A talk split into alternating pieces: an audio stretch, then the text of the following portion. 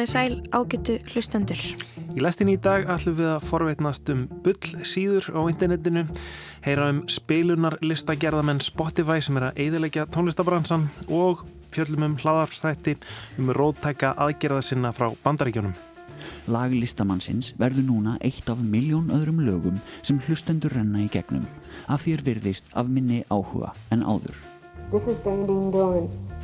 I'm going to read a declaration of a state of war. This is the first communication from the Weatherman Underground. Sennilega upp úr 2019 byrjum við að sjá ákveði trend í leitavélunum.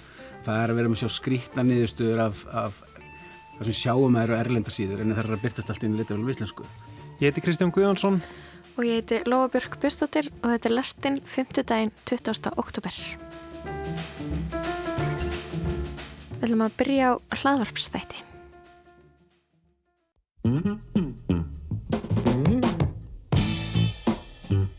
This is Bernadine Doran.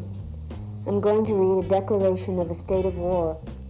This is the first communication from the Weatherman Underground. Undir lok sjönda áratugarins gafst hópur vinstri rótæklinga í bandaríkjörnum upp hvít ungmenni frá góðum heimilum gáfust upp á friðsamri pólitískri baróttu. Dean came from an affluent middle class family.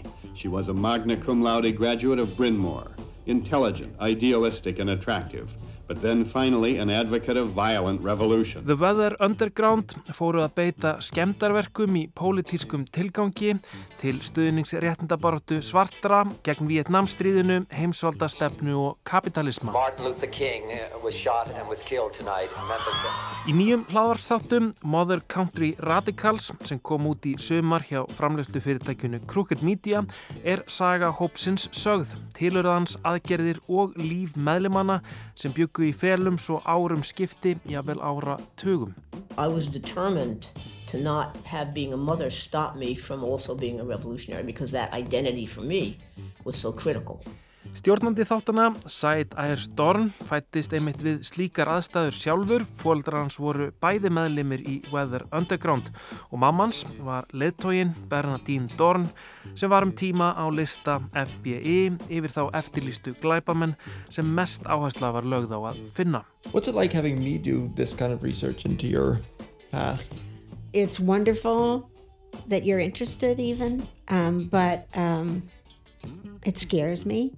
Annar hlustandi, Pontus Jarstad, doktorsnemi í sagfræði sem hefur sérhæft í rótækum vinstri hreyfingum á þessum tíma, er eins og við stjórnendur lestarinnar hrifin af þáttunum.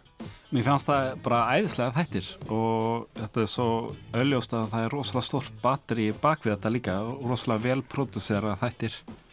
Það er eiginlega, maður verður svolítið svona orðlaus af því þeir ná og kafra rosalega mikið efni en það sem hann hugsaður er oft líka bara að þetta er náttúrulega sonur þeirra sem eru að taka viðtal við mamma og pappa sinn og sem sagfræðingur eða sem doktorsnemi sagfræði þá hugsa mann oft svona já, hvað hva gerir það við viðfangsefnið, hvað afleiðingar hefur það uh -huh. í tólkun En, en hvaða afleiðingar getur það haft? Hvern, hvernig er það slæmt einhvern veginn?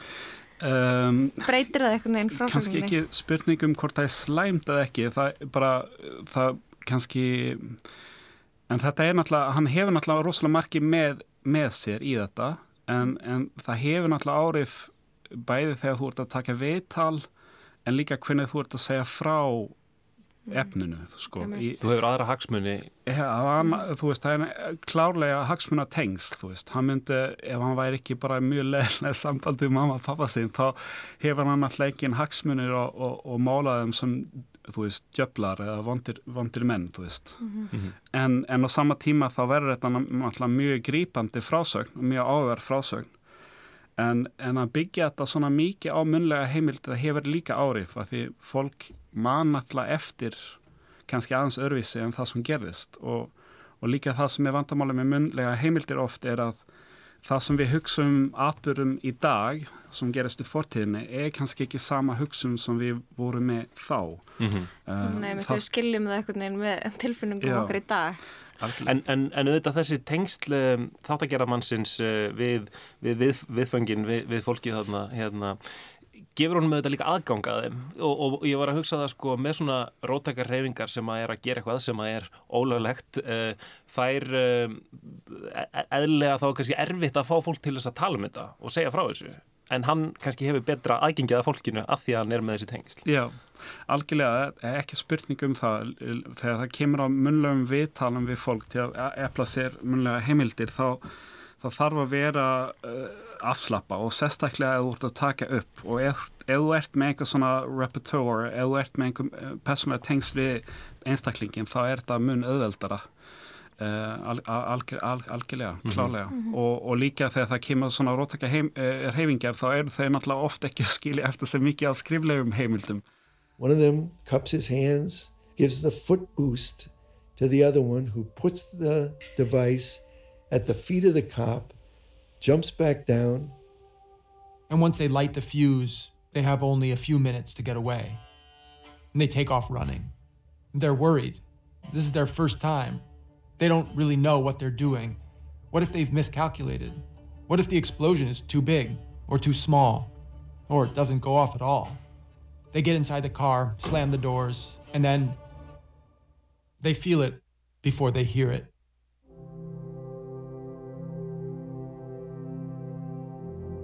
The dynamite shatters windows for blocks around and knocks the statue off its pedestal. To this day, my dad calls the Haymarket action and all Weathermen bombings extreme vandalism, not terrorism. They're targeting objects, not people. And it's true no one was hurt by the bomb. But it's also true that dynamite is different from pulling down a statue with ropes and chains, or even putting a piece of concrete on a train track. This isn't vandalism. It crosses a line. It's meant to cross a line.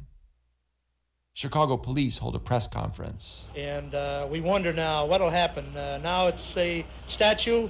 Will it be a policeman performing his duty tomorrow or what? Þessi, þessi þætti náttúrulega reykja að vissuleiti hvernig það gerist að stúdendarheyfing, um, já, hvíti krakkar af, af mikið til velstæðum heimilum úr góðum háskólum, hvernig þau uh, taka það ákvörðuna eiginlega grípa til vopna eða, eða byrja að, að beita svona mjög Eh, beinum aðgerðum og skemdaverkum um, þetta er á þessum tíma sem að í rauninni þetta er að gerast mjög víða á Vesturlöndum. Þannig að þetta er bara svona nákvæmlega eitt augnablík uh, tók ég eftir að þetta þau byrjaði þarna 69 og á sama tíma í Þýskalandi og Ítalju bara nokkru mánuðum setna eru svipaðar hefingar í rauninni að grípa til nánast svipara aðgerða. Hva, hvað er það í þessu augnablíki sem einhvern veginn verkum að, að, að þetta verður um, aðferðin? Já, þetta er rosalega góð spurning. Eh, þetta er náttúrulega stuðundarhefingar á þessum tíma og sem er náttúrulega að vinna af hefbundum mótmæla aðgerðum og eitthvað svona og reyna að vinna alls konar málefnum bæði bara umbættir innan háskóla heiminum en líka náttúrulega á móti stríðinu í Vietnám og, og alls konar og líka má alveg nefna hennar Uh, herrstjórnin í Gríklandi kom líka 67 sem hefur árið á sérstaklega Evrópu að fólk, fólk, uh, fólk er hættir fyrir bara að fasisma kemur aftur af því aldrei er komin herrstjórn í liðaræðisríki í Evrópu. Mm. um, og það glemir stundum að tala um það. En svo er náttúrulega líka innrásin í Tjekkoslovakia Sovjetríkin innrásin þar.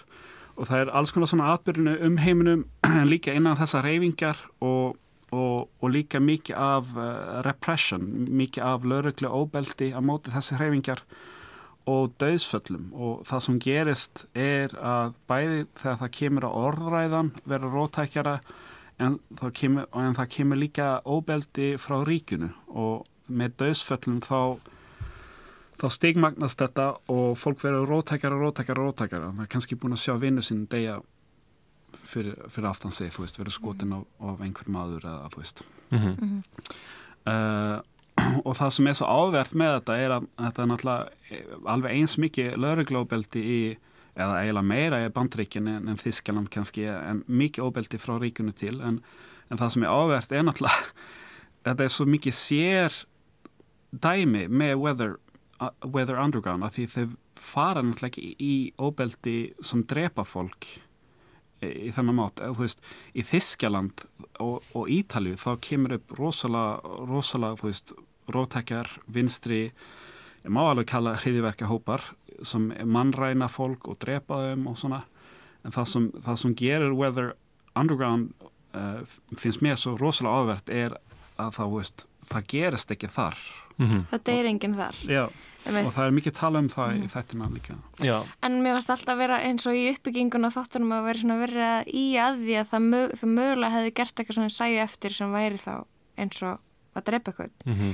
en veit, það verður náttúrulega svona vendipunktur í, í sögur þeirra þegar Fred Hampton í Black Panther er myrtur mhm. þá okkur neginn það setur á stað eitthvað þeir Er það ekki? Jú, algjörlega. Mm -hmm. Og hún tal, þau, þau ná að reykja þetta rosalega vel í þættina. Hún talar um og hún tekir þátt í Martin Luther King í Civil Rights reyfinguna. Mm. Hann er drepinn. Hún fer í Black Panther og er að vinna með Black Panther og Fred Hampton er drepinn. Þú veist, að þetta að sjálfsögur hefur þetta afleðingar. Óbeldi, þú veist, gefur af sig óbeldi. The FBI comes after the Weathermen and the Panthers and the two groups have to find a way forward together.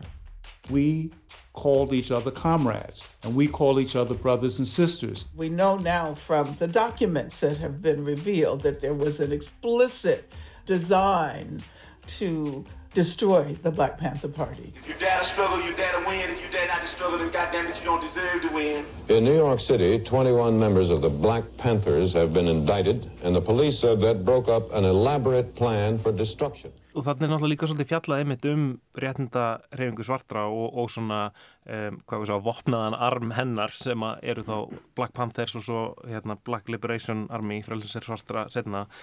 Mér finnst þessi þættir, sko, uh, gefa manni svo skýra insýn í það hvernig þau upplifa að ríkið sé hreinlega í stríði við svarta. Að, að, að lauruglan sé aldrei með þeim í liði, sé að drepa svart fólk komin í hverfin eins og bara óvinna hér þannig að, þannig að sko þau skiljanlega kannski byrja að skipulegja sig í vopnaðar sveitir mm -hmm. um, og þannig að sko orðræða uh, stríðs verður einhvern veginn ótrúlega uh, ríkjandi einhvern veginn þannig Algjörlega og, og maður getur líka að greina þetta frá bara orðræðan og, og hugmyndafræðina sem kemur upp af því, þú veist, í byrjan civil rights reyfinguna þá var hún kannski svona hefbundin vinstri hreyfing vildi, veist, jafnbretti og justice og svona millistjettir og, og kynþættir og svona.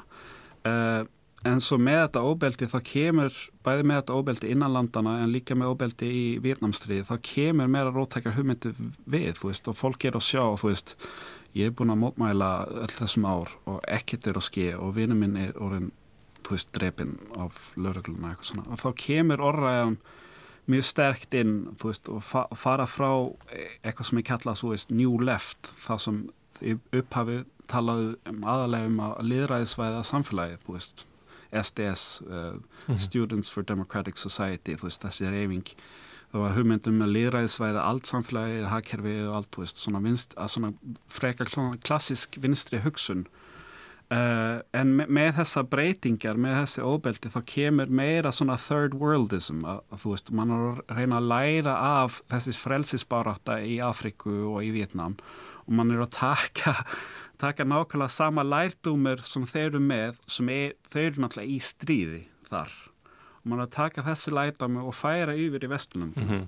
og þá er náttúrulega gerast hlutir. Og það er sagt frá því þáttur um að þau fara til Kúpu og hérna fara í hálfgerðan skóla þar og, og hérna og hitta um, Vietnama sem hafa verið að berjast gegn mandaríjónum og, og, og þar er allir einhvern veginn, heyrðu, farið bara heim og sannfærið hérna ríku valdamiklu foreldra eitthvað um, um að gera eitthvað í málunum en, en það er kannski ekki alveg það sem þau vilja gera. Nei.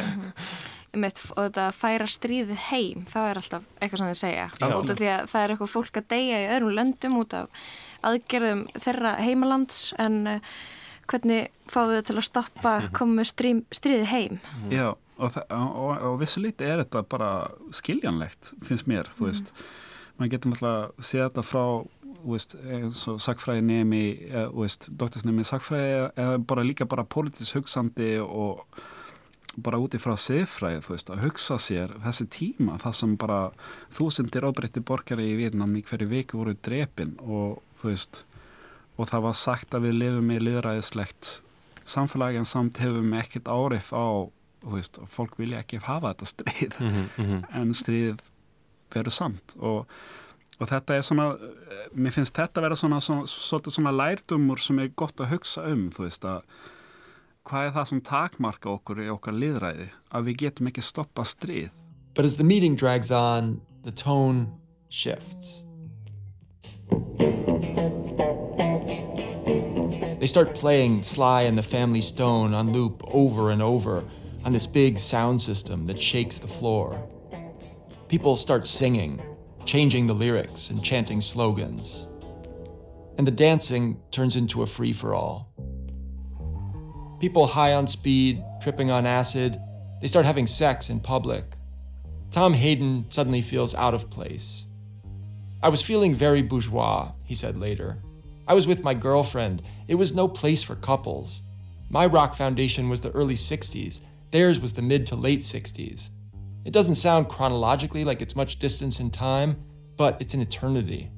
I was becoming out of touch. I mean, these people were having flat out naked wild orgies as a political act. Eitt sem er rosalega áberandi innan í, í þessi tímabili er líka kynnslóða munurinn. Þú veist, þetta var á yngra kynnslóði sem voru bara að vera rótækir. Þeir, þeir sá enga breytingar í samfélagi og þeir voru að berjast á móti eldra kynnslóðunum sem voru við vald. Og, og, og það kemur mjög skýrt fram í þættina hvernig Bernadine Dorn talar um hvernig það var að alast upp við fólk sem hún lítur á eins og rasistar, veist. Að þeir horfðu á heiminum út frá þessum grundreiklum og, og, þessi kynnslóðamunir er rosalega áberandi og, það hefur náttúrulega það hefur árið líka veist, það hefur verið svo stór klopningur, svona menningarlega klopningur milli, milli þessi kynnslóða, það sem í bandaríkjum þá, þá hugsa unga kynnslóða já við erum að fara, við erum að fara til fasistaríkja því það er stríðið Vietnam og þeir eru að drepa svart fólk og það gerist ekkert. Við, við, við, eftir einhver ár þá erum við ekki liðræði lengur. Það mm. hugsaði unga fólki í bandaríkjum og það var líka hugsuninni í Þískjaland í Þískjaland voru unga fólk að hugsa já ok, nazistarnir þeir eru ennþá innan rettakerfinu og þú veist, það er eiginlega ekkert stöðugt við okkar liðræði og við verðum örgulega bara fasistaríkja bráðum aftur og sama hugsun í Ítali og svo þetta kemur rosalega mikið sterkt inn líka þessi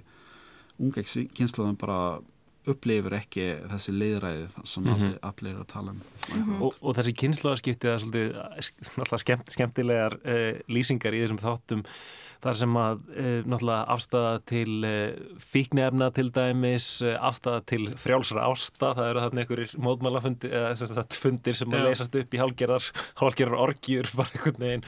Og, og mikil harka að fólk megi ekki vera í einhvænir samböndum, það sé nú bara borgarlegt og, og gamaldags. Þannig, þannig að það er verið að prófa sig áfram með einhvern veginn algjörlega nýja líka bara hugsun og samfélagsgerð einhvern veginn. Og, og þetta eru þetta grundvalla breytinga á, á þessum kynsluðum einhvern veginn sko.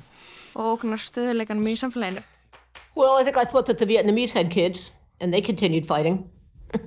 I think that my my perspective on kind of where was I in history was uh, other women do this, and I'm a revolutionary, and I can do both.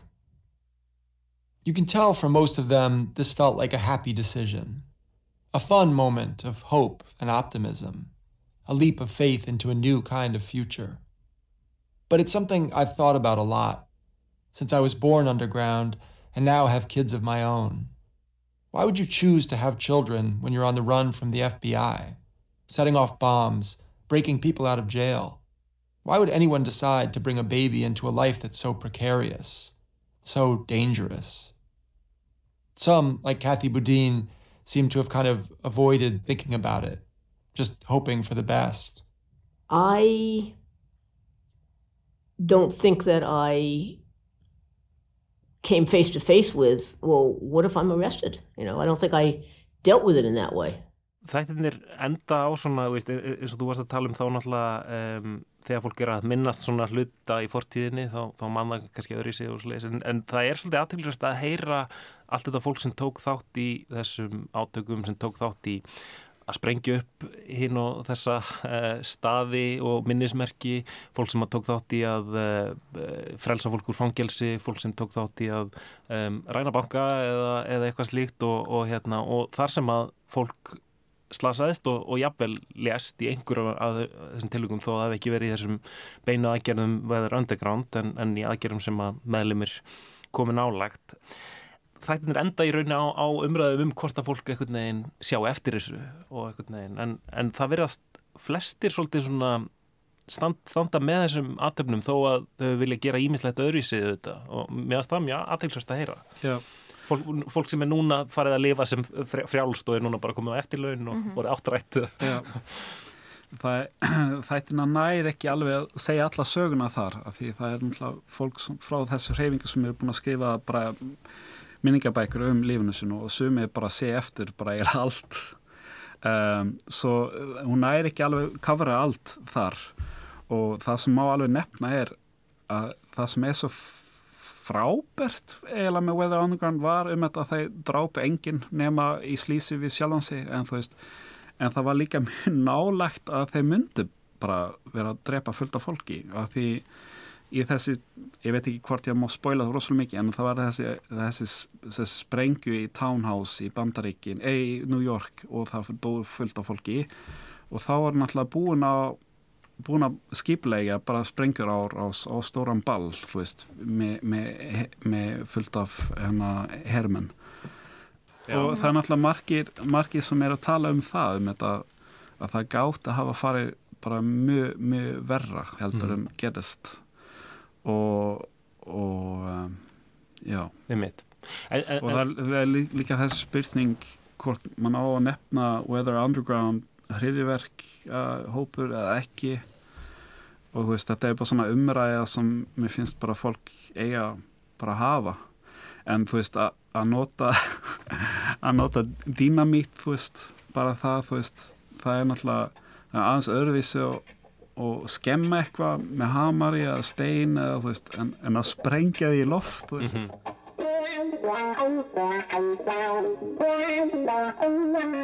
Pontus, Jarstad, takk kærlega fyrir að koma í lestina og spjalla við okkur um um eh, hlárstættina Mother Country Radicals. Takk eðislega.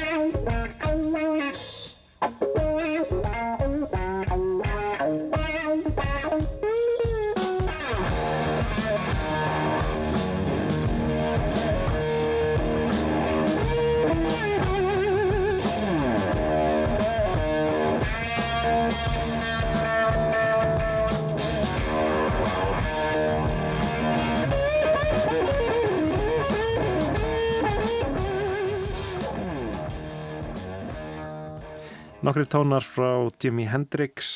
Þar á endan rættu við við Pontus Jarstad sem er doktorsnemi í sagfræði. Það var nú ímislegt sem við þurftum að klippa út úr þessu viðtalið að því að það var svo margt aðtæklusvert sem að við rættum við Pontus. Meðal annars var hann að segja okkur uh, svona okkur að hann heldi að svona um, ofbeldisfullar eða, eða svona róttækar vinstri reyfingar sem beittu svona beinam aðgerum urðu ekki áberandi á uh, Norðurlöndum. Emmitt.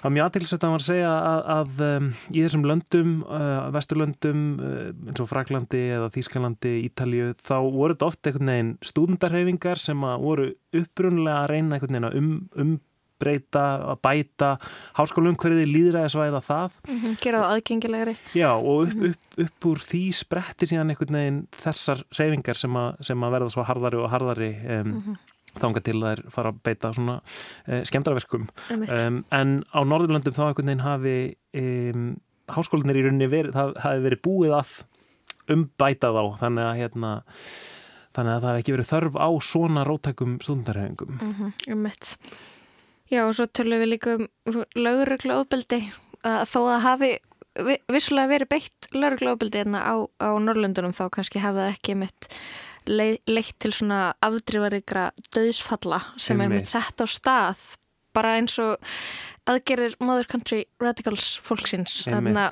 Weatherman. Já, nákvæmlega, svona hérna andlát uh, í mótmælum uh, og, og þegar, þegar lauruglan uh, kannski beitir, beitir ofbeldi sem leiðir til dauða fólks, það, það náttúrulega er leiðið til þess að í rauninni gera fólk rótækara radikalisera það þannig að það sé tilbúið að ganga ennþá lengra og lengra. Mm -hmm. En það eru frábæri þættir. Já, einmitt. Um, við mælum með þeim um, aðgengilegir út um allt og hlaðarsveitum mm -hmm. um, Mother Country Radicals heita þeir. En við ætlum að snú okkur að öðru. Já, hann eh, Gunnar Jónsson er næstur á mældaskráðina í lastinni og uh, hann er með pistil um ástandið í tónlistabransanum Hann segir útlitið þar nokkuð svart. Mér bárust fregnir af hljómsveit um daginn. Tjæðri hljómsveit sem færi að njóta nafnleindar hér hafði tekist með miklum herkjum og baktjaldamakki að koma á fundi með mikilvægum manni í tónlistabransanum.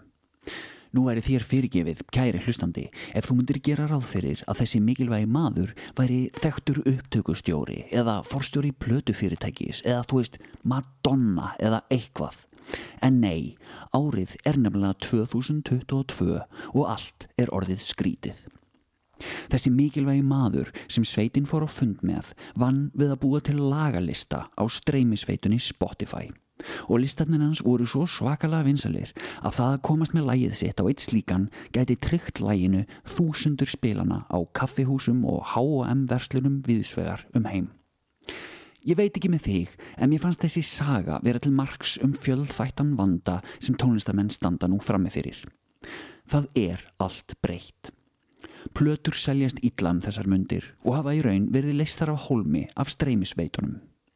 Munurinn á þessum tveimur fyrirbærum er hins vegar sá að vinsælar plötur gáttu nært feril listamanna og meðan streymisveitur nútímans virðast vera að gengisfellan á hátt sem við höfum aldrei séð áður. Listamenn græða nefnilega óskup lítinn pening á streymi og það sem verra er, jafnvel þó þeir komist á vinsæla lista með lægi sitt þá er það þannig slitið úr samhengi við verkefnið. Lag listamannsins verður núna eitt af miljón öðrum lögum sem hlustendur renna í gegnum af því er virðist af minni áhuga en áður. Og ef lagarlistin þykir góður þá verðist að gera meira fjárhagslega fyrir listagerðamannin en fólkið sem skóp innihaldans. Hvernig komust við á þennan stað, kæri hlustandi? Hvað gerðist? Það getur verið erfitt að henda reyður á öllum breytum hins kaotíska nútíma heims en mér þykir ljóst að internetið spilar hér rullu. Internetið allir því að nú getur hver sem er gefið út tónlistina sína og á bladi voru það gleði fréttir. Á bladi þurftu tónlistamenn nú ekki að komast í gegnum nálar auga plötu fyrirtækjana til að ná eirum hlustenda. Einhvers konar andkapitalísk tónlistar útópía hlaut að vera handan með hornið. En raunveruleikin er annar og verri. Peningamiðaðir umbóðsmenn plötufyrirtækjana hafa verið listir af holmi af peningamiðum lagalistagerðamönnum og við erum nú að drukna í innihaldi og listum þar sem helmingur lagana er kannski ekki einu sinni eftir raunverulegt fólk heldur gerfigreind sem hlustaði á allar plötur Ólafs Arnalds og dælir nú út mildri pianotónlist sem þú getur lært fyrir prófið eða kiftir skirtujakka í H&M án þess að verða fyrir alvarlegri trublun. Það eru miljón aðrar breytur í spilinu en það er alveg sama hvort ég tala við tónlistamenn, viðburðarhaldara eða plötusnúða Það skinja allir það sama. Tónlist hefur ekki sama gildi í menningunni og áður, þrátt fyrir gífurlegt frambóð. Í fyrsta sinn í sögunni eru allir tónlistamenn með rött, en rött þeirra druknar í kvítasöði og frambóðsins sem er að æra okkur hinn. Tónlistamenn geta reynt án afláts að rýsa ofar söðinu en fyrir vikið er þeir hálfpartinn farnir að fara í töðunar á okkur. Já, við erum komið nett óþól fyrir öllum þessum sjálfkverfu listamönnum með sínar óbærilegu vonir og vendingar sem spamm okkur nú linnulaust með fregnum af nýju myndbandi og ætluðu alveg að ganga fram að okkur með botlausu streyminu í miðjum COVID-faraldri. Taland um COVID, þá verðist faraldurinn hafa haft neikvæð áhrif á mætingu og tónleika sem enn eigmir eftir. Og til að bæta gráu ofan á svart og nú held ég að ég þurfi hreinlega að lesa næstu málskrein með grínrötu því þetta er að verða svo svakalega niðurdröfandi hjá mér. Til að bæta gráu ofan á svart þá hefur núverandi heimskreppa gert það að verkum að listamenn hafi ekki einu sinni efni á því að túra því það kostar þá of mikið. Stórir listamenn á borðið Animal Collective og Santigold hafa þurft að hætta við tónleikaferðir nýlega því flug og gesting kostar of mikið. Sem sagt, tónlistamenn græð ekki pening á streymi, þeir get ekki túrað um heiminn til að reyna að græða pening þannig og við höfum ekki samúð með þeim því okkur finnst þeir sjálfhverfir og pyrrandi og við erum að drukna í efni og síðan eru þeir að eigða orku í að komast á fundi fyrir einhver djöfulsins lagalista. Tónlistarmenn eru að kaupa snöruna sem menningin býður þeim að hengja sig í dýrum dómum. Man langar smá til að æla. Ó, elsku listamennir okkar. Hvað gerir núverandi ástand við sál þeirra? Það eru grimm örlög að vilja gera heiminn aðeins falleri og ómþýðari en þurfa nú að leggja á sig meiri og meiri vinnu fyrir fátakleiri uppskeru. Eru tónlistamenn eins og froskurinn í dæmisögunni sem er svoðinn til dauða því vatnið sem hann liggur í hitnar svo hægt og bítandi að hann áttar sig ekki á því hversu fullkomlega óvistvænt umhverfi hans er fyrir en það er orðið of seint. Eru það bara börn ríkara foreldra sem geta nú leift sér það gæluverkefni að gera músík sem skapar engar tekjur, jafnvel þó hún njóti vinselda. Hvernig letu við þetta gerast? Hvað er eiginlega að þér, kæri hlustandi? Ekki neitt. Hvernig getur við ætlast til þess að þú, ráðsettur rúf áhlustandi útkverfa búinn, látir drauma allra þessara tónlistamanna rætast? Þú hefur þitt eigið líf til að sinna í vinnu, jafnvel með börn hvernig get ég ætlast til þess að þú pásir ælupestina hjá ormónum þínum til að vaða í gegnum brotakenda ofmettaða menningu 21. aldarinnar og hlusta á side project eða gróu, eða mistrýmingu eða ká-óla eða kúlomp eftir kraftgala þetta er allt fimm stjörnu snild og þetta á allt erindi En þú þarfst að þurka upp ælu og ætlar í mesta lægi að kaupa rímasterinn af Revolver með bítlónum á vínil og fara á jólagesti Björgvins með fjölunni þegar þarað kemur. Ég er persónulega í óljósri fílu út í menningu mannsins í heilsinni. Ég held að við séum haldinn tveimur ránghumundum um menninguna. Í fyrsta lagi gerum við ráð fyrir að menningu sé bara að finna í hörpunni á sinnfó þegar menningin í stærsta samhenginu er öll gildi og hegðun sem enginnir líf mannsins. Í öðru lagi held ég að við gerum hugsunarlaust ráð fyrir að menningin sé alltaf mikilvæg og gagleg mannskeppnunni þegar hún selur okkur reglulega óraunhafa drauma og skadleg gildi. Menningin eldist við gróða á kostnað sannleikans. Menningin þröngvar upp á okkur fundum með manni sem gerir lagalista. Og hver veit, kannski er bara enn önnur ránkhugmynd menningarinnar að deyja út. Ránkhugmyndin um að tónlistamenn séu mikilvægir. Kannski væri betra ef allir tónlistamenn myndu gerast aktivistar, verkfræðingar eða jafnvel leigubílstjórar. Ég sá að minnstakosti viðtal nýlega við 24 ára gamla stúlku sem stopnaði mannrettinda samtök sem koma hreinu vatni og vistum til barna á stríðshrjáðum svæðum og ég hugsaði að þarna var í manneskja sem væri raunverulega að breyta heiminum. En síðan skammaðist ég mín. Öðvitað þarf líka að vera tónlist. Tónlist er eitt dularfylsta og fallegasta fyrirbæri alheimsins. Tónlist heilar okkur. Hún hjálpar okkur að hugsa og dansa og skapa og gráta og vera í þessum heimi án þess að störtlast. Og við þurfum að hlúa að henni, en við vitum bara ekki alveg hvernig við eigum að gera það lengur. Ég, fyrir mitt leiti, fór bara aftur á byrjunareit um helgina. Ég fór á tónleika. Ég skellti mér á Sindra Eldon and the Ways á Dillon og slammaði með og síðan hætti ég mér líka á hurra á fastudeginum og stóð með fæturna klístraða fasta við gólfið, leitti hjá mér ammoniak fnegin sem barst frá klósettinu og dillaði mér við ljúfa tóna Oscar Jerome frá Breitlandi og dáðist að trommaranum sem var svo þjættur og kúl að ég fjall í stafi. Og jafnvel þó að það hefði verið betri stemning ef staðurinn hefði verið smekkfullur, þá var samt alveg geggjað og við sem vorum á staðnum vorum öll örlítið léttari á fæti þegar við stegum út í kalda hausnóttina að tónleikum loknum.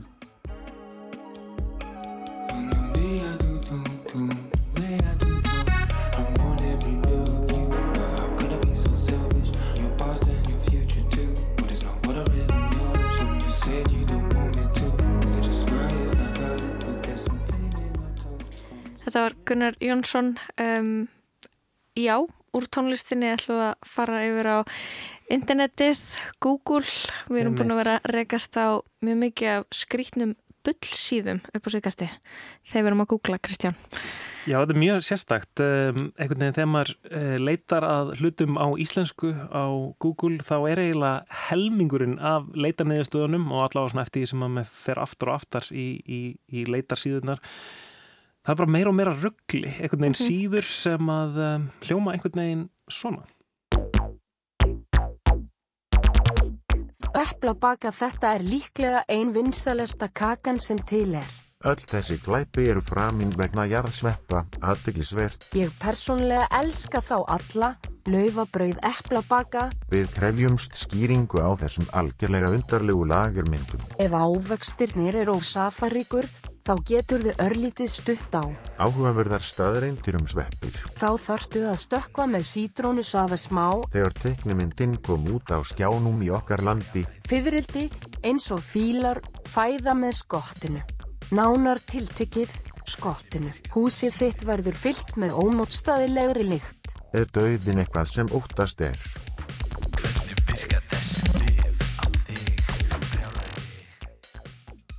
Ég heiti sem sagt Tryggvi Freyr Elinarsson og kem frá því ágæta fyrirtæki Datera sem að uh, ég var nötna þeim sem stopnuðu það uh, en í dag ber ég titilinn þróunastjóri mm.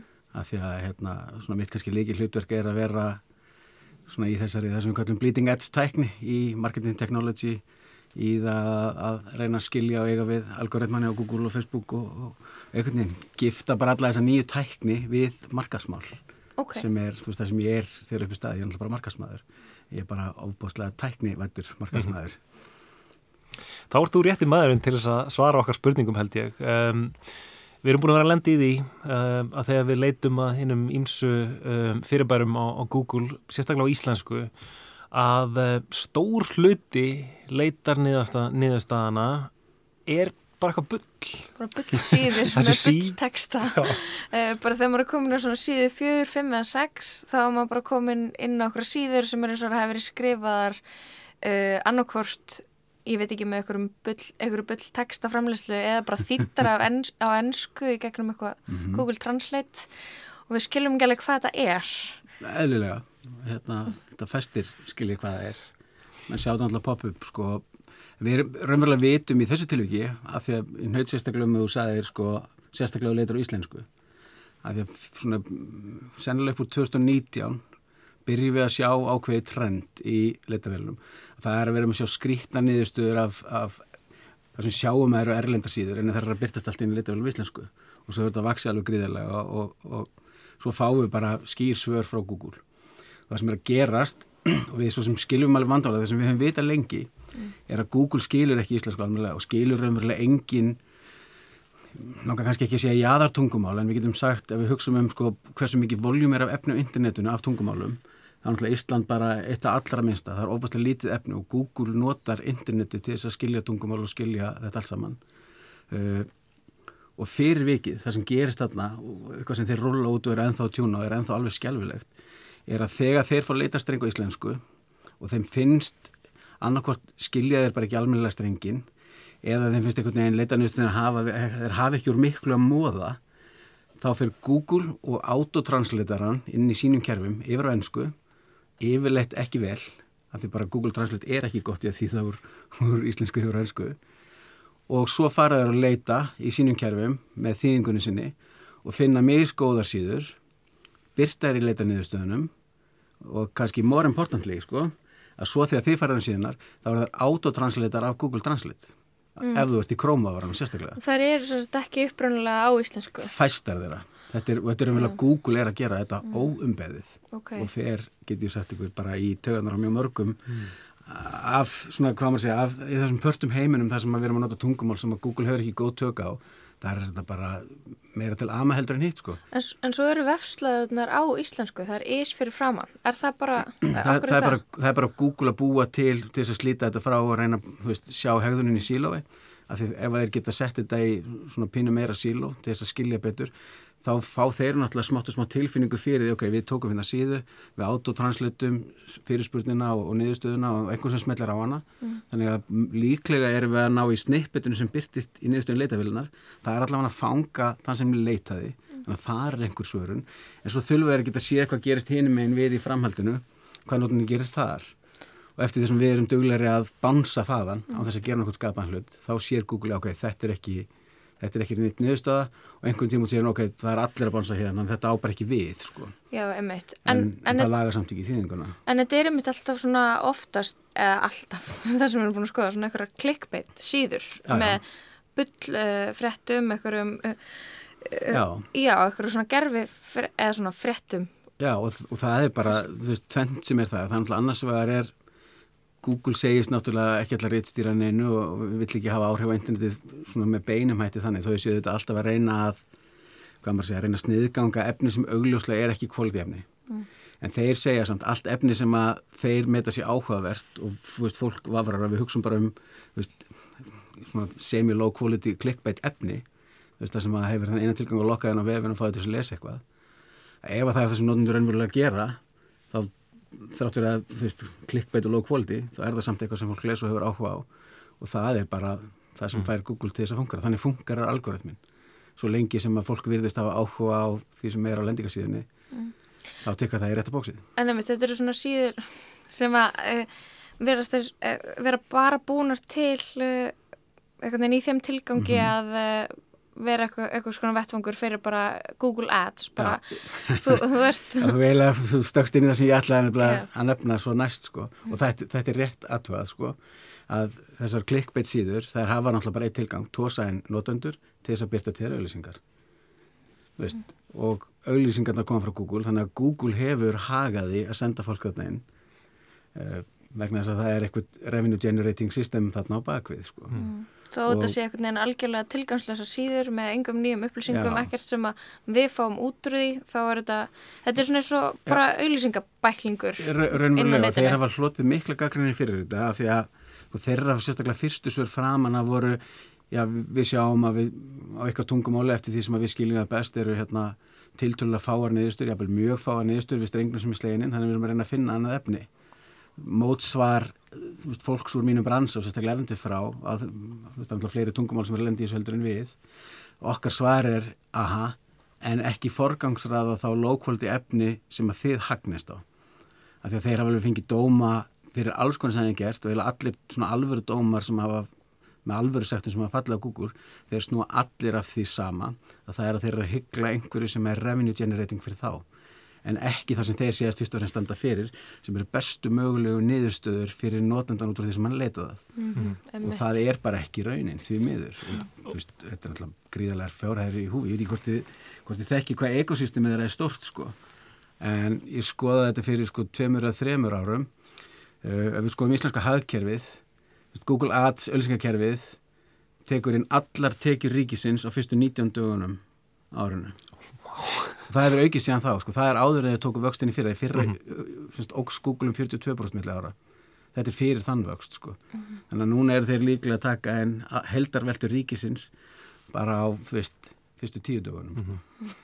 En, en sko, þetta er náttúrulega líka sko, ég held að mjög margir Íslendingar hafa til dæmis notað Google þannig að, að hérna, að googla til dæmis orð Mhm. og svo aðra stafsesningu á orðinu og bara sjá hvort það séu fleiri niðurstöður, hvort já. maður á að nota og alls konar svona sem við notum þar sem að í rauninni e, hversu fáar síður eru í rauninni er bara gott, þú veist, Já, og ef maður googlar eitthvað og það eru engar niðurstöður Mhm. þess, það er ákveðin sögn í því Það Þannig, það. en, en með, þess, með þe- þessari, þessari tækni e, þessari sjálf þýðingar tækni þá í rauninni verður Google mm, svona minna gaglegt fyrir okkur í rauninni Já, sko, ég, ég reyni alltaf að horfa á sko, svo maður segja nú bara sko, ég hef búin að vera Google fanboy bara svo að segja frá síðustu aldamótum. Bara, ég byrja að kaupa auglýsingarinn í Google líklega 2002-2003 eitthvað svo leiðis og hef verið alveg bara fánaberi fyrir þetta fyrirtæki og, og séð að auðvitað gera margt misgott. En þegar uppi staðið hugsa ég alltaf á hvaða vegferðir þegar mér finnst þetta að gera eitthvað rand þá sé ég samt eins og hérna, þetta er alveg skelvilegt sko, ég sé alveg ljósið endanum af því ef þeir ná einhvern tjónkundi alvöru tökum á þýðingunni þá er það gott og með því að gera þetta þó ég telli að ég sé að fara aðeins rand að því þá þarna er þeir reyna að fá meiri skilninga því þeir eru að reyna að autotranslata þeir eru að reyna að autotranslata lendingasýður og sjá hvaða lendingasýður virka þá á móti þessu streng og þannig smátt og smátt fá þeir meiri leskilning ef við getum, getum notað það orð. Mhm. Þannig ég er svona held í þá vona þetta, þú veist, þeir uppi stæði séti góða. Topp 10 vinsalistu ítalska barnanöfnin fyrir stelpur. Sama hvaða heimsluta þú býrð í, bæn fyrir land þitt er tákn um þjóðarnishyggju og umhyggju fyrir hvar þú býrð. Algengar stefnumótunarreglur foreldrar setja fyrir kristna unglinga. Hvernig á að gera þetta þannig að þetta virki einhvern veginn? Hvernig byrtist maður á Google? Með því að taka tilbaka ákvörðunum að hætta nenn að blokka og hætta nenn að skrifa alvöru upplýsingasíður. Mhm. Það er svona stuttasvarið. En þó að maður gerir góðar og merkilegar síður, uh, er þeim ekki, þó er hann þessum gerfi auðlýsinga bullsíðum forgámsað ofar og því að það er endalust af Google Ads. Svarið er nei. Mm. Sko, það, það sem þarf til er að skilja leikarillunar raunverulega og skilja, sko, algoritmir funkar á ákveðin hátt og þetta gefur Google náttúrulega ekki neinar alvöru skýrar leiðbendingar, það er bara eitthvað regluverk og við sem vinnum við þetta erum veist, þetta er nú alveg svona, þó þetta sé stór hópur, þá er þetta samt frekar svona þétt samfélag að maður hugsa um hvernig mann tala saman online, menn er alveg rosa duglegir að tala saman og segja hvað er að virka og hvað er ekki að virka og menn svona átt að segja að það er að koma eitthvað eftir þetta gerist, veist, hvað teljum við að við þurfum að gera til þess að breyðast við til þess að komast aftur upp með eitthvað síður og þar fram til gödunum. Mhm. Uh, en við sjáum samt eftir þessum áður allar þessar breytingar sem áttist að þetta byrjar svona kannski stærstu breytingarna byrja fyrir svona 12-13 árum síðan þegar þessi Panda og Penguin updates byrja að koma. Þar sem Google fer í alvörunni að, að sína að við ætlum ekki að sætta okkur við uh, síður sem að eru raunverulega plataði að manipulita notendur eru algjörst rusl content. Uh, þannig þeir eru að reyna að dressa það og þeir segja, sem við höfum alveg séð að er að raungerast, við viljum quality content og quality content þýðir ekki endilega mikið content. Quality content þýðir rétt content sem er að svara fyrirspurninni sem slegin inn í strengin Mm. þess vegna skiptir svo óbúslega miklu máli að, að þeir geti líka séð haugðununa, að þeir sjáu ok, hér er eitthvað strengur, við komum til fyrir nú vefinn hvað gerist þar, ok, við komum til kemur hann les allan vefinn og flettur og skrólunum. Og á sama tíma það er auðvitað ósangjant og mann geta tekið alveg sér umræðum Google Analytics og allt sem er að gerast í kringum það en það sem þeir hafa gert cleverly þegar þeir kaupa örtsinn fyrirtæki sem er undanfæri Google Analytics, örtsinn verður Google Analytics er að það gaf þeim insýn inn í bara þú veist, einu sinni aðra hverju F7 í heiminum, núna inn í bara þorra F7 í heiminum, gott ef ekki 70% af öllum, öllu internetinu. Og þess vegna er það svo öðvöld með að skilja þetta samhengi frá þessum slegið. Það væri miklu erfiðara fyrir þá ef að það er bara eitthvað strengur og svo ferðu og þeir viti ekkert hvað gerist hínum einn en í dag vita er það bara svo óbáslega mikið og öðvöldra með að lesa í þessum notendahöðun Mhm. og þess vegna hefur líka meðlans kvartið þess að menn séu með Google Analytics inni þó menn séu ekki einu svona nota það sjálfur einfallega bara til þess að mata Google á betur upplýsingum setja inn Google Search Console og, öll þessi tól til þess að hjálpa Google að skilja betur hefðununa Mhm. en veist, þetta eru fjölmargar leikreglur sem eru umverulega að hjálpa leitavélina að skilja Mm. Þannig er einhvern veginn alltaf undir Google komið uh, hvernig fer fyrir fólki? Eða Já, hvernig fer fyrir fyrirtækjum það er, það er pínu þannig. Og Mhm. það er auðvitað, að séð og það hafa verið umræður koma sérstaklega upp í Evrópu koma, kemur reglulega upp þessu umræða hv- hversu ofbúslega mikið vald þeir hafa og hvað við erum þeim. Og þeir taka eitthvað geðþóttar ákvarðun þá er bara allir heil, getur heil, svona heil geiri, heil industri bara svo að segja horfið úr litavölum bara því að þeir ákvaðu eitthvað. Að breyta ykkur en þú veist á sama tíma held ég þetta af því að mann vita náttúrulega hvernig þessir, hvað maður að segja, svona government entities virka. Mm. Ef þeir myndu gera eitthvað sem er í alvörunni, þú veist, ósangjant, þá held ég að mann myndi alltaf stíga inn í að þeir eru bara, þú veist, þegar þú er svona stórt, þá mátt ekki gera hvað sem er. Mm. Þú veist, í, hérna, svona með óeðilegt samkjæmnisforskot. Já, erum við ekki bara búin að fá svör við okkar Jú, spurningum? ég held það. Hérna, Tryggvi Freyr Elinarsson hjá um, Datera. Takk hjá fyrir komina í lestina og takk fyrir að útskýra fyrir okkur þessar óþólandi leitarniðistöður í. Google.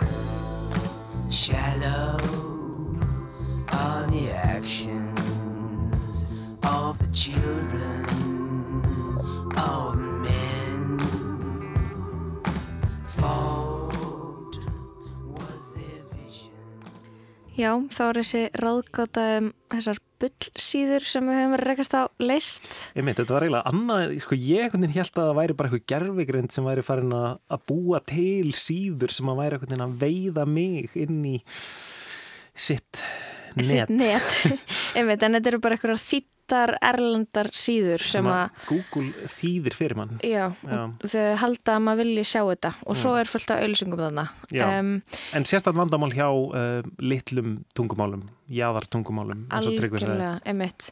Og kannski einhvern veginn, já, eins og við rættum aðeins um, þá er einhver leið líka til þess að ná inn fólki á réttar síður sem að uh, Google skilur eitthvað svona orð sem hún setur í bakanda kóða heimasíðana sem Mhm. að íslensk, íslenskar heimasíður eru ekki alveg nú duglega að nota Einmitt, uh, og kunna kannski ekki mörg, uh, margir, mörg fyrirtæki kunna kannski ekki alveg nógu vel á að lýsa því sem er í bóðin og síðunni þannig að uh, fleiri lendi á síðuninni þegar þeir googla einhver orð. Þetta er, veginn, þetta er svaka vísindi.